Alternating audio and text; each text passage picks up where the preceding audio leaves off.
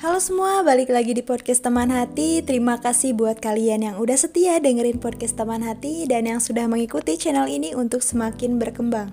Mungkin beberapa dari kalian yang mengikuti channel ini dari awal banget sampai sekarang, kalian pasti sadar kalau podcast teman hati secara perlahan mulai berubah ya.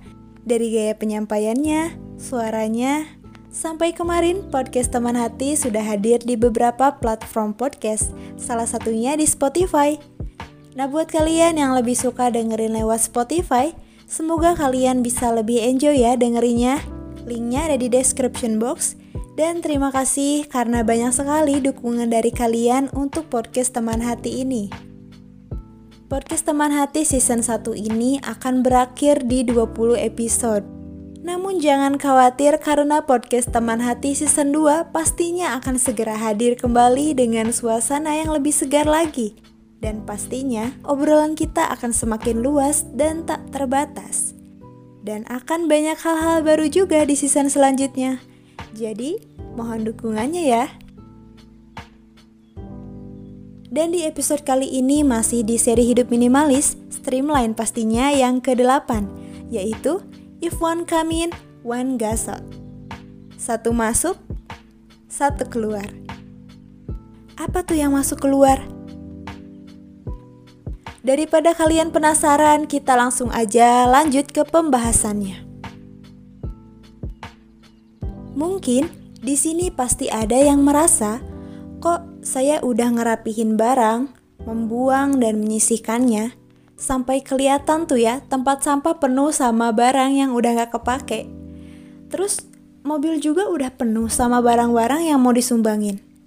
Tapi kok masih aja gitu banyak barang di lemari, di laci, di gudang. Seakan-akan itu tidak membawa perubahan gitu ya. Hmm, apa yang salah? Kalau kita mencari perumpamaannya, rumah itu diibaratkan sebagai ember.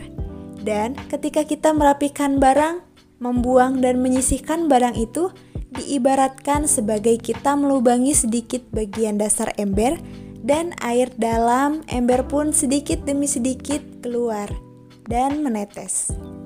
Namun, lubang itu nggak akan berpengaruh besar selagi kita akan terus membeli barang baru berbelanja, dan membawa pulang souvenir dari konferensi atau seminar.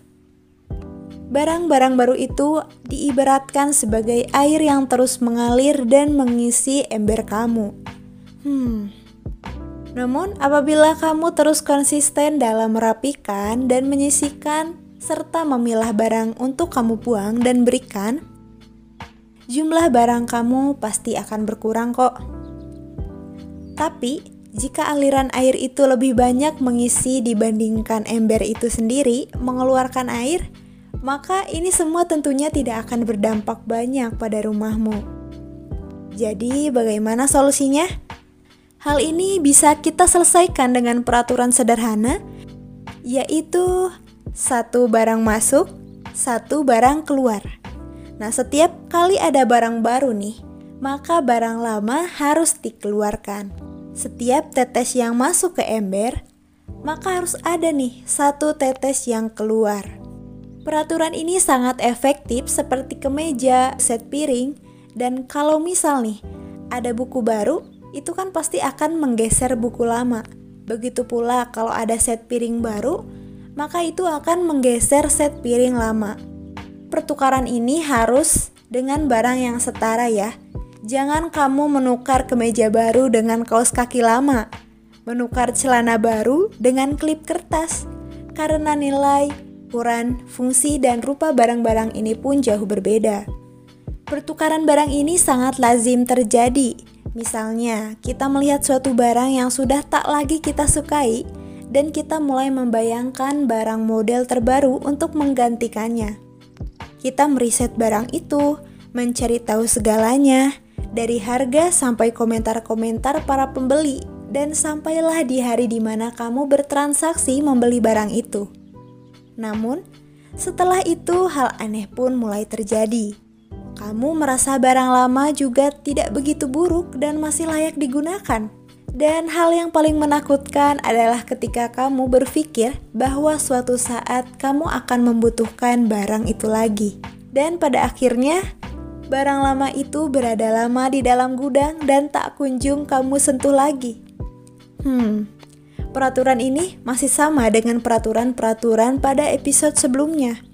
Masih perlu memiliki keberanian untuk menerapkan setiap kali ada barang baru barang lama yang serupa harus dikeluarkan.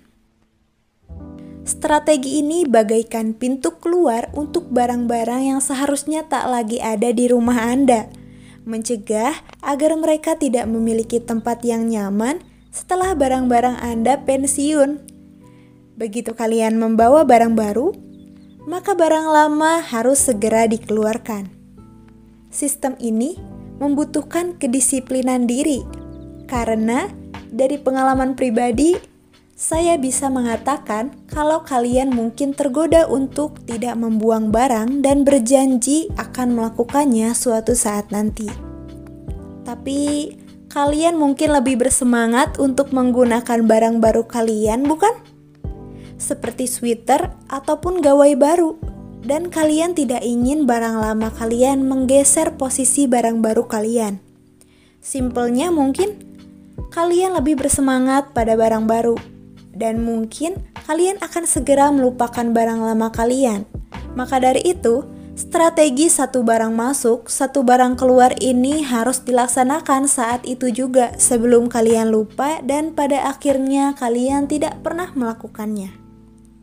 Dalam proses merapikan rumah juga, prinsip satu masuk, satu keluar akan berfungsi sebagai keran. Prinsip ini membatasi jumlah barang kalian dan mengembalikan kalian pada jalan yang benar. Kenapa? Karena saat kalian berpikir akan membeli selusin barang baru, kalian pun harus mengeluarkan selusin barang lama. Nah, terkadang dalam diri kita itu ada perasaan sayang gitu ya untuk membuang sesuatu. Apalagi ada selusin barang lama nih yang harus kamu keluarkan entah ke mana dari rumahmu. Prinsip ini mencegah situasi itu. Komitmen yang terpenting. Selama terus mengikuti prinsip ini, Anda tidak akan pernah memiliki lebih banyak barang daripada yang kalian miliki saat ini. Tak hanya itu, kalian akan melihat jumlah barang di rumah kalian terus berkurang selama perjalanan ini. Nah, apa penyebabnya? karena kalian sudah menutup keran, sehingga tetesan yang dari bawah ember tadi memberikan efek yang signifikan dan memuaskan. Tentu saja, semakin banyak barang yang Anda keluarkan, hasil yang akan dicapai pun akan menyenangkan untuk dilihat. Nah, di podcast selanjutnya, aku akan bahas bagaimana tetesan air tersebut menjadi aliran. Dan untuk podcast hari ini sampai di sini dulu. Mohon dukungannya untuk podcast teman hati. Jangan lupa subscribe, like, dan komen. Dan mohon maaf juga atas segala kekurangannya. Kami podcast teman hati akan terus mengupayakan untuk menjadi lebih baik lagi. Dan tentunya kalian nyaman dengan mendengarkan podcast teman hati. Semoga hari kalian indah. Ini saatnya untuk aku pamit. Akhir dariku, salam dari hati.